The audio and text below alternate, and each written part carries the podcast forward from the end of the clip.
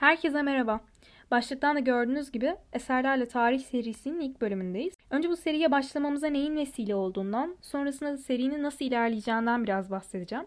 Geçen günlerde arkeolojik bulgularla ilgili bir belgesel izliyordum ve insanların belgeselin yorumlarında bayağı hararetli bir tartışma içinde olduğunu gördüm. Tartıştıkları konu da belgesel içerisinde bahsedilen birkaç devasa boyutlardaki ve çok gerçekçi taşı yontularak yapılmış heykelin günümüz teknolojisiyle bile yapılmasının çok uzun zaman alacağını, ilkel şartlarda insanların bunu yapmasının neredeyse imkansız olduğunu düşünen birinin yorumu üzerine başlamıştı.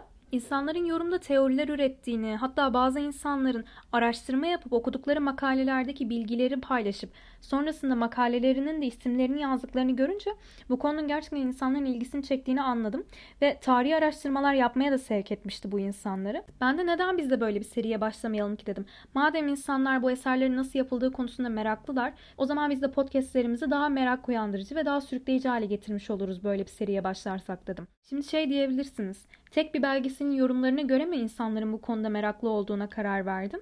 Hayır. Daha popüler tartışma konularından örnek vererek bu bahsettiğim merakın ne kadar geniş çaplı olduğunu anlatabilirim bence. Mesela en popüler tartışma Mısır piramitlerinin nasıl inşa edildiği tartışması. Hala net bir cevaba varılmadı ve üzerine yüzlerce teori üretildi insanlar tarafından.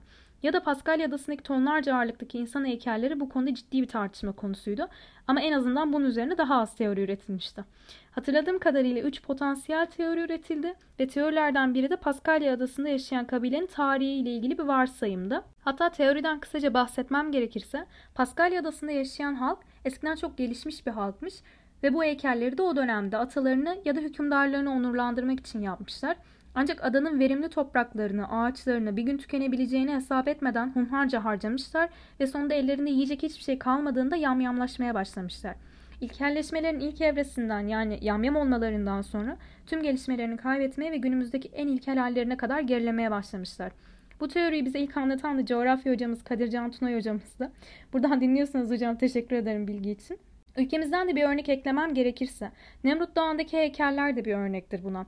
Ya da ilk başta anlattığım konuya gerçekten güzel bir örnek olan Afganistan'da bulunan Bamiyan'ın Budaları heykelleri de buna bir örnektir.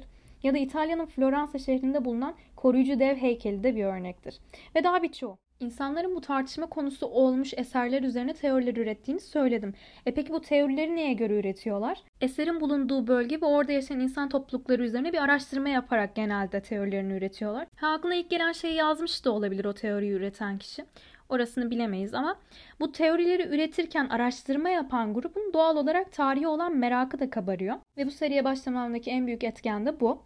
Ayrıca her eser yapıldığı dönemin fiziksel, siyasal ve sosyolojik yapısından da izler taşıyor. Sonraki bölümlerde incelediğimiz eserleri buna göre de yorumlayacağız. Her bölümde bir veya birden fazla eserden bahsediyor olacağım. Eğer eserin yapıldığı dönem veya uygarlıkla ilgili sizlere bahsedebileceğim kadar bilgiye ulaşırsa podcastlere tarihi bilgiler de eklerim eserin yanında. Size aktarabileceğim kadar bilgiden kastım da mesela ilk insanlarla ilgili çok az bilgiye sahibiz ama Rönesans'la ilgili çok bilgiye sahibiz. Bundan bahsediyorum. Son olarak da bahsedeceğim eserlerin hepsi resim veya heykel olmayacak.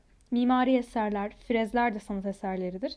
Başta kronolojik sıraya bağlı kalarak bilinen en eski eserlerden Rönesans ve modern çağ kadar geldikten sonra karışık şekilde ya da en yeniden en eskiye doğru ters kronolojik olarak ilerleyeceğiz. Bugünlük bu kadar. Dinlediğiniz için teşekkürler.